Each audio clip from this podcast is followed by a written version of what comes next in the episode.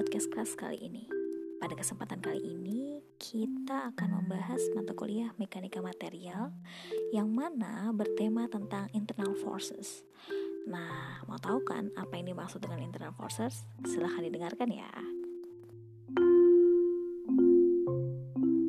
Ini kita akan membahas tentang gaya dalam atau internal forces. Nah, kalian sempat baca belum sih gaya dalam apa sih? Bu, Iya. sempat baca. Apa tuh kalau menurut kalian gaya dalam?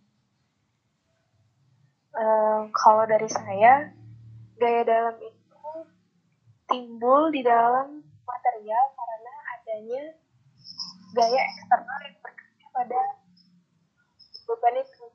Jadi dia berlaku bersama-sama buat mempertahankan keseimbangan atau elemen yang ada di beban itu. Oke. Eh, terus yang lain? Kalau menurut saya, gaya dalam itu dalam suatu konstruksi itu berasal dari kekuatan bahan konstruksinya itu yang berupa gaya lawan dari konstruksi yang selanjutnya disebut dengan gaya dalam. Oke. Ih, Mira suaranya bagus, Mir. Safira nih suaranya jauh banget, Fir. Oh iya bu, Nah. bu? Nah, kayak gini-gini. Oh, Bagus. iya. Oke, next. Nah, tadi kan kalian udah bilang gaya dalam itu yang ada daripada sebuah konstruksi, terus diciptakan untuk menahan berbagai macam muatan. Berarti eh, gaya dalam ini adalah sesuatu yang kita buat. Kita udah tahu nih material ini kekurangannya di sini. Sedangkan kita tahu dia harus untuk menahan beban berapa ton misalnya.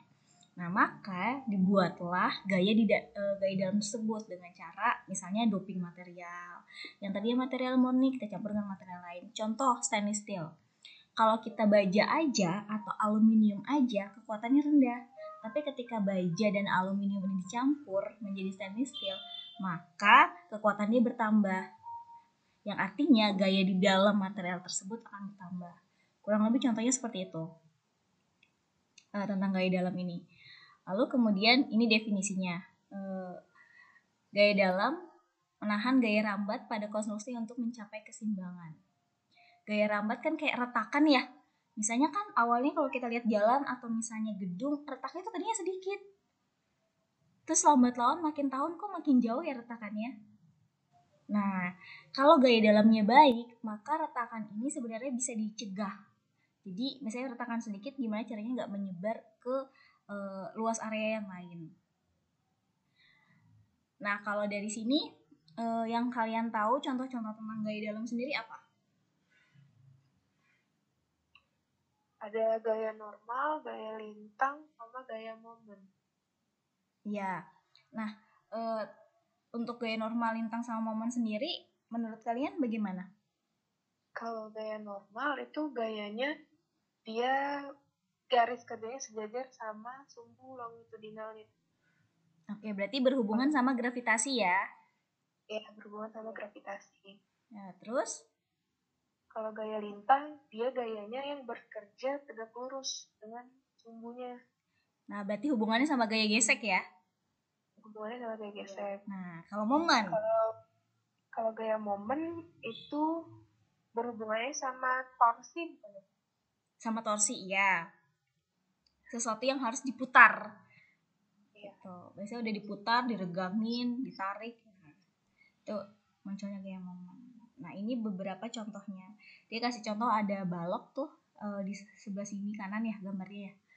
Ada balok yang kalau misalnya dijepit eh, di ujung atasnya dan dibebani oleh gaya. Gayanya ke bawah, berarti kan dia gaya normal kan? Karena dia gaya ngikutin eh, jatuhnya gravitasi. Maka ini salah satu contoh untuk mengukur gaya dalam. Tadi ada tiga kan ya, ada gaya normal, terus gaya apa lagi? Bintang ya? Gaya lintang. sama momen. Nah, Hmm, berarti kalau tadi saya bilang gaya normal berhubungan sama gravitasi, berarti di bayangan kalian, oh kalau kita pengujiannya bebannya ditaruh di bawah. Gitu. Oke, terus Ibu saya ingin Ya. bertanya itu AB itu apa ibu? yang mana? Nah, ini tuh AB itu sebenarnya si balok ini. Cuma kan kalau misalnya dilihat dari depan kan ini lurus. Nah, kalau dia sama dia dibalik ini Di asli ini itu ternyata penjepitnya. balok. Kenapa? Yang di arsir itu penjepitnya dijepit iya di ujung atas kemarin kita ngomonginnya apa ya Fir cantilever ya yang kalau Cantilever. yang di atasnya doang ya eh kalau di atas Iya. apa ya Nah, heeh, cuma salah satu salah cantilever ya Kalau cantilever di salah satu sisi dijepit. nah iya jadi pembebanan cantilever terus untuk melihat ke dalam nah kemudian ini kalau yang gaya momen. Dia diputar. Diputar itu berarti bagian atasnya tuh nggak rekat ya karena harus digoncang kan diputar. Yang gambar sini ada tuh yang dia putar ke atas terus dia putar lagi ke sebelah atasnya. Jadi kayak goncangan. Eh sorry sorry. Ya benar-benar untuk bending moment momen lentur atau lengkung Maksudnya diguncang itu gimana, Bu? digoncang tuh Bukan gimana ya di bukan bukan dilekukan, tapi cuma diguncang. di iya jadi kayak dia tuh gimana ya kayak di shaking gitu loh kayak naik ke atas naik ke bawah kayak main apa sih apa sih itu yang Garis. gimana sih kayak permainan itu loh jungkat jungkit Oh, di naik turun naik turun kayak gitu oh berarti uji mau uji momennya tuh kayak gitu, iya. Bukan di, Di kan- iya. bukan di itu kan sebenarnya kayak karena dia kan modelnya eh, balok ya. Jadi nggak mungkin bener-bener lengkung kayak kita apa namanya lapisan gitu loh lapisan kayak plat kan itu bisa dilengkungin. Kalau ini kayak balok bukan dilengkungin tapi kayak di misalnya satu ke atas terus langsung lagi di eh langsung satu ke kanan terus tiba-tiba langsung ke kiri terus ke kanan lagi. Hmm, iya, iya, Bu. kurang lebih kayak gitu tapi itu ada gaya gaya geseknya nggak nanti pasti ada gaya geseknya karena dia cantilever kan? Dia akan bergesekan sama si cantilever atasnya kan? Sama penjepitnya. iya. Sama penjepitnya dia kan akan bergesekan. Tapi bukan yang gesek dorong ya. Kalau ges kalau didorong kan memang bergesekan sepanjang memberikan tekanan tuh. Makanya dinamakan momen lentur atau bisa juga dibilangnya lengkung. Kalau lengkung tuh untuk yang tadi saya bilang kayak lapisan plat nah itu memang Oh, akan iya. melengkung. Tapi kalau balok dia nggak akan bisa melengkung kayak begitu. Yang ada dia harus di apa namanya lentur itu kan untuk melihat elastisitas dia. Dia balik lagi nggak sih ke asalnya nih material ini Eh, ini salah satu apa ya model contoh soalnya sih.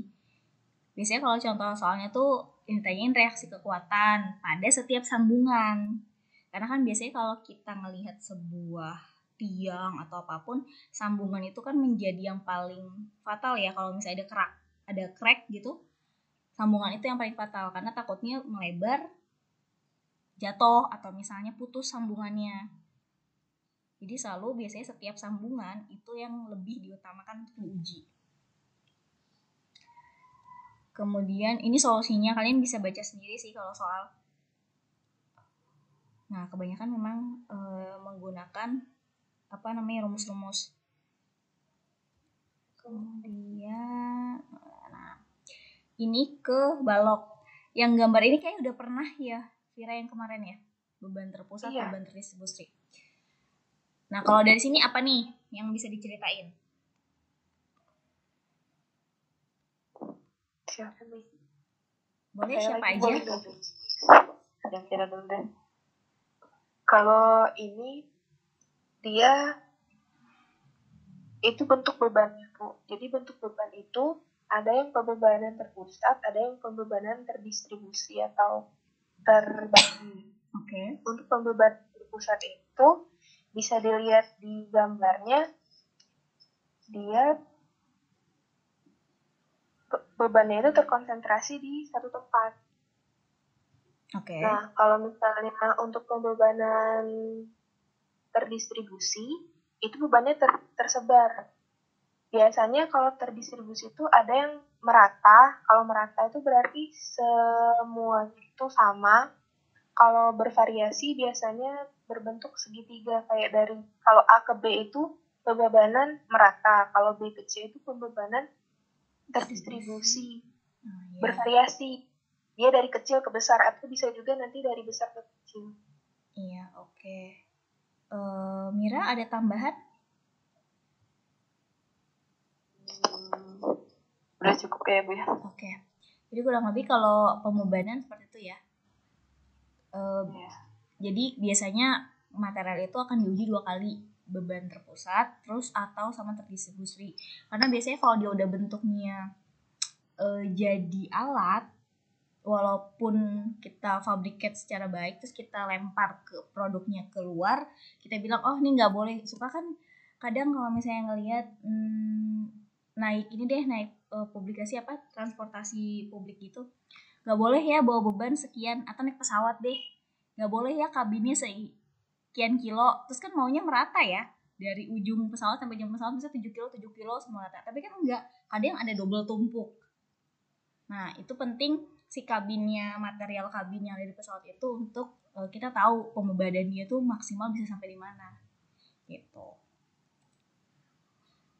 Ini beberapa tip balok yang tadi udah sempat diomongin tentang cantilever ya yang ada contohnya terus ada juga yang uh, salah satunya di apa namanya disanggah tapi satunya lagi bebas atau dua-duanya fixed.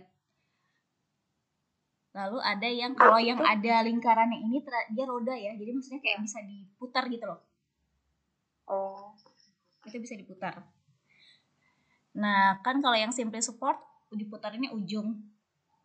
Berarti kan pembebanannya dia adanya di ujung satunya fixed uh, yang satunya lagi kan bisa diputar. Kalau yang overhanging dia tuh seperti menyisakan sepertiga.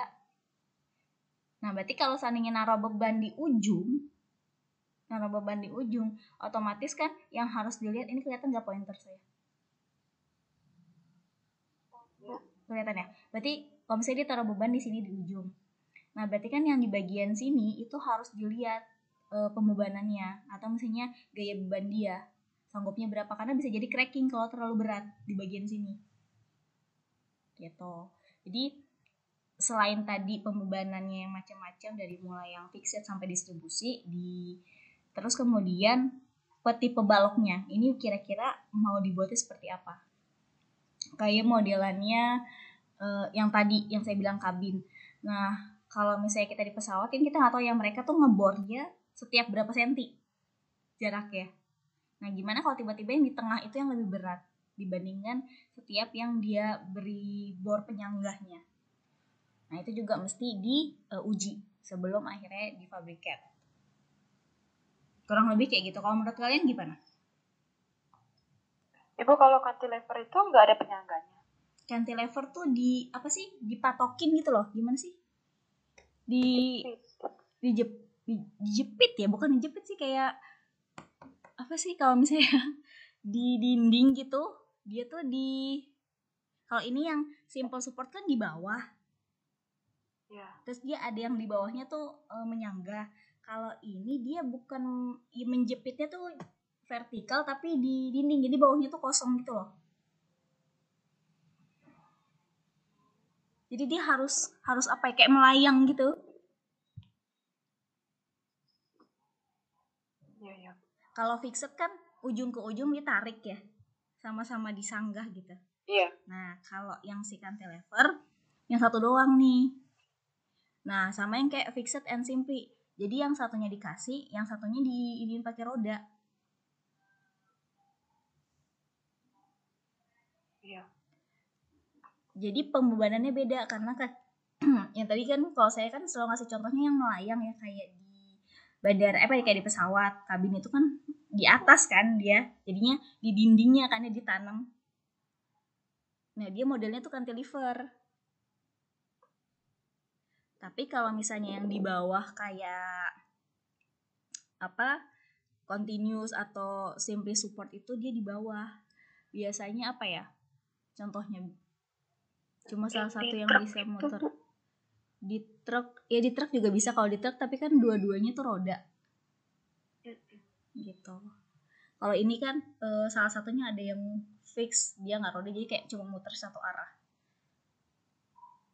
Itu salah satu juga uh, cara untuk bisa tahu uh, gayanya. Nah kalau dari sini dia yang udah sempat cari tahu beban pada gaya dalam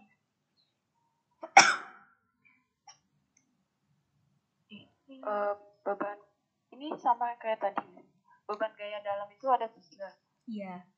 Yang terpusat. Uh, dengan beban terpusat terbagi merata dengan beban momen.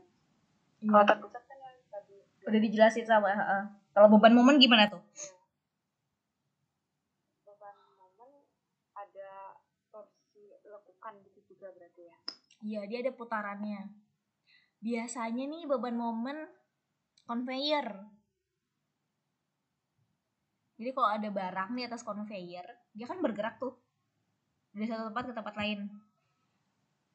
Ya suka lihat gak sih kalau misalnya kadang tuh orang naruh barang nggak sembarangan gitu loh. Jadi kayak dibanting terus yang tadinya bentuknya kubus aja bisa berputar-putar.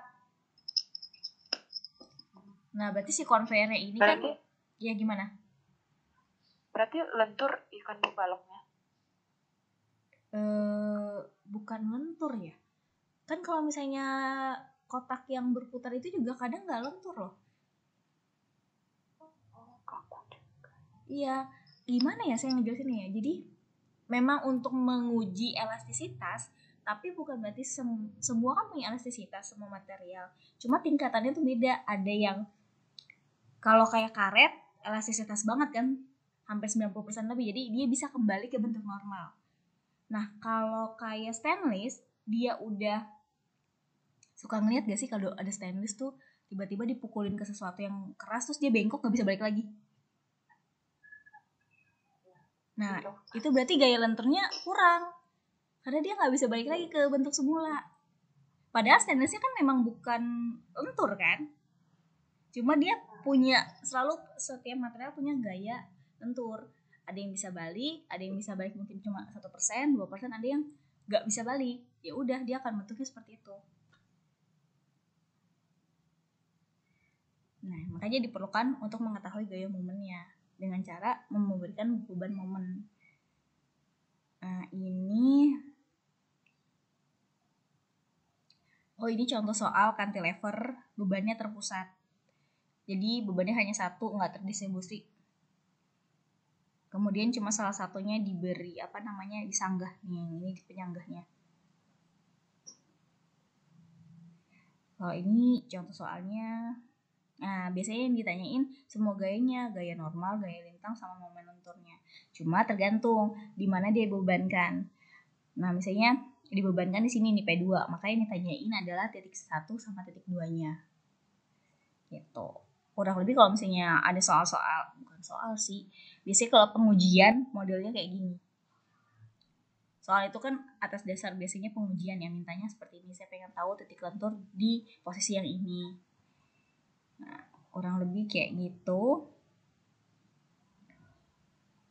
E, kemudian kalau ini sih keseimbangan gaya dalam juga untuk yang bisa memutar. Jadi bagian ujungnya tuh kayak di apa sih digoyangin tau nggak yang naik turun. Kalau kayak plat jadi dia naik turun kayak gitu. Nah itu juga mau dilihat tuh. Ini juga kurang lebih mirip. Terus ini contoh beban merata. Tadi juga udah sih sama beban merata. Ini juga sama bebannya rata.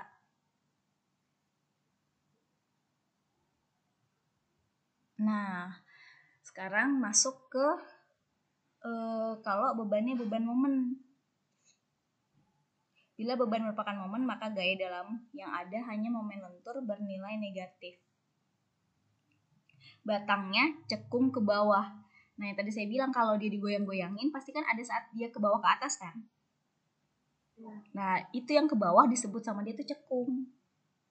Sebelum kembali ke titik awal dia mulai kalau dia ke atas disebutnya cembung. Padahal kan sebenarnya dia nggak lentur kan? Cuma emang pasti kalau plat akan kayak gitu. Atau batang pun biasanya kayak gitu cuma kan nggak banyak. Kalau menurut kalian gimana nih? Ada yang tahu tentang cantilever dengan beban momen? Ada yang sempat baca? Taunya yang kemarin bu, yang kalau misalnya dikasih Dikasih apa tuh? ya, eh dikasih momen dikasih gak dikasih gaya itu kalau misalnya dia ke bawah itu positif kalau ke atas itu momen negatif Nah iya kurang lebih mirip kayak gitu. Cuma kalau ini dibilangnya kalau dia cekung ke bawah, maka nilainya juga negatif. Kan istilahnya nol itu kalau posisinya seperti ini nih rata. Berarti kalau dia turun kan negatif kan? Kayak kita buat Iya, XY aja. iya. Kalau dia naik berarti dia positif. Nah, seberapa banyak dia ke bawah sama seberapa banyak ke atas kan nanti saling mengurangi. Di situ bisa kelihatan oh kelenturan dia berapa. Gitu. Jadi proporsional dia lebih cekung atau cembung bisa kelihatan. Tapi jangan ngebayangin bener-bener cekung atau cembung ya.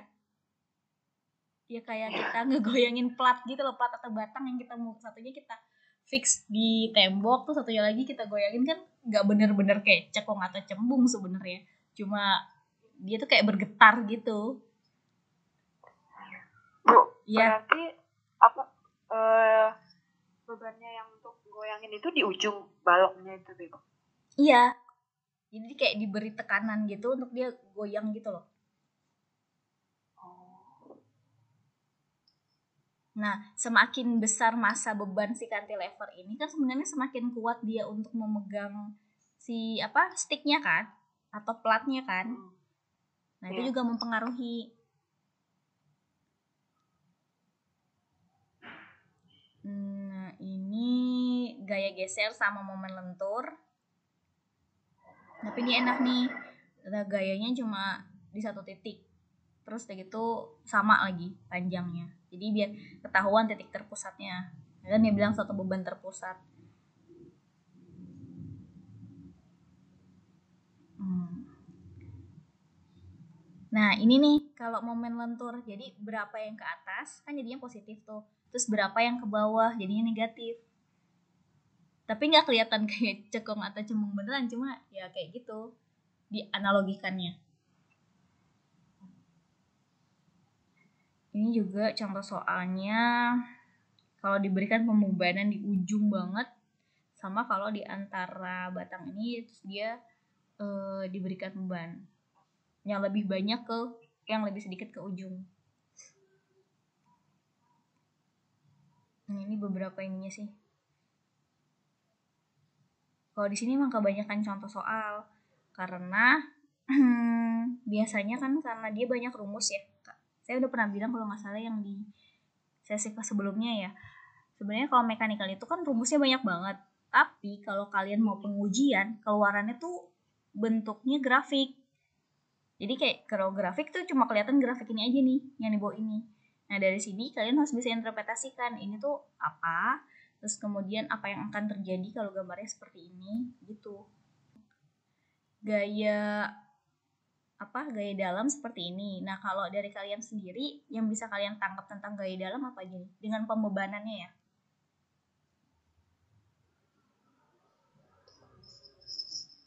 Siapa dulu nih, Bu? Boleh siapa aja? Saya siapa aja? Mira dulu boleh, Vira dulu boleh. Baik dari tadi tanggapannya tentang gaya dalam pembebanan gaya dalam itu dapat disimpulkan bahwa gaya dalam itu gaya yang menahan gaya rapat pada konstruksi untuk mencapai keseimbangan. Oke. Kemudian eh, beban-beban pada gaya dalam itu eh belum ini dulu gaya-gaya dalam gaya-gaya dalam itu dapat berupa tiga yaitu gaya normal, lintang, sama gaya momen. Iya. Kemudian beban pada gaya dalam tiga, yaitu terpusat, merata, sama gaya ya, be- beban gaya eh, momen. Oke. Kemudian juga dibahas tentang Iya. Terus ada lagi yang lain? Em, tadi belum dijelas eh, belum disimpulkan tentang gaya gaya normal. Nah, gaya normal itu kan tadi gaya yang garis kerjanya sejajar dengan sumbu longitudinal batang. Berarti di sini hubungannya dengan gaya gravitasi. Kalau gaya lintang itu gaya yang berhubungan dengan uh, eh ber, dia tegak lurus dengan sumbu longitudinal batang. Dia berhubungan dengan gaya gesek. Lalu untuk gaya momen dia uh, harus terjadi putaran dan berhubungan dengan torsi.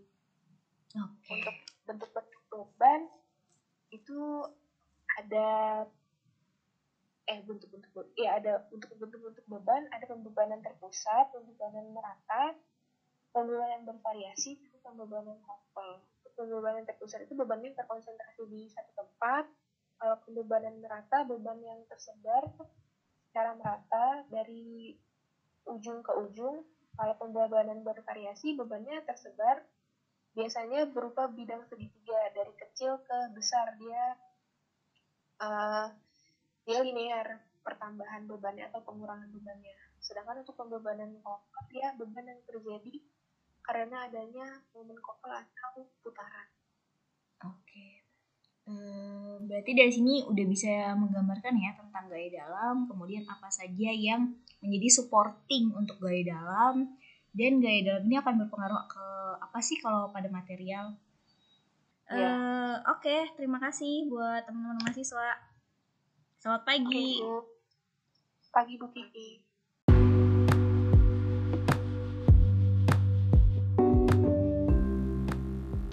Terima kasih sudah mendengarkan podcast kelas ini. Sampai jumpa di episode berikutnya ya.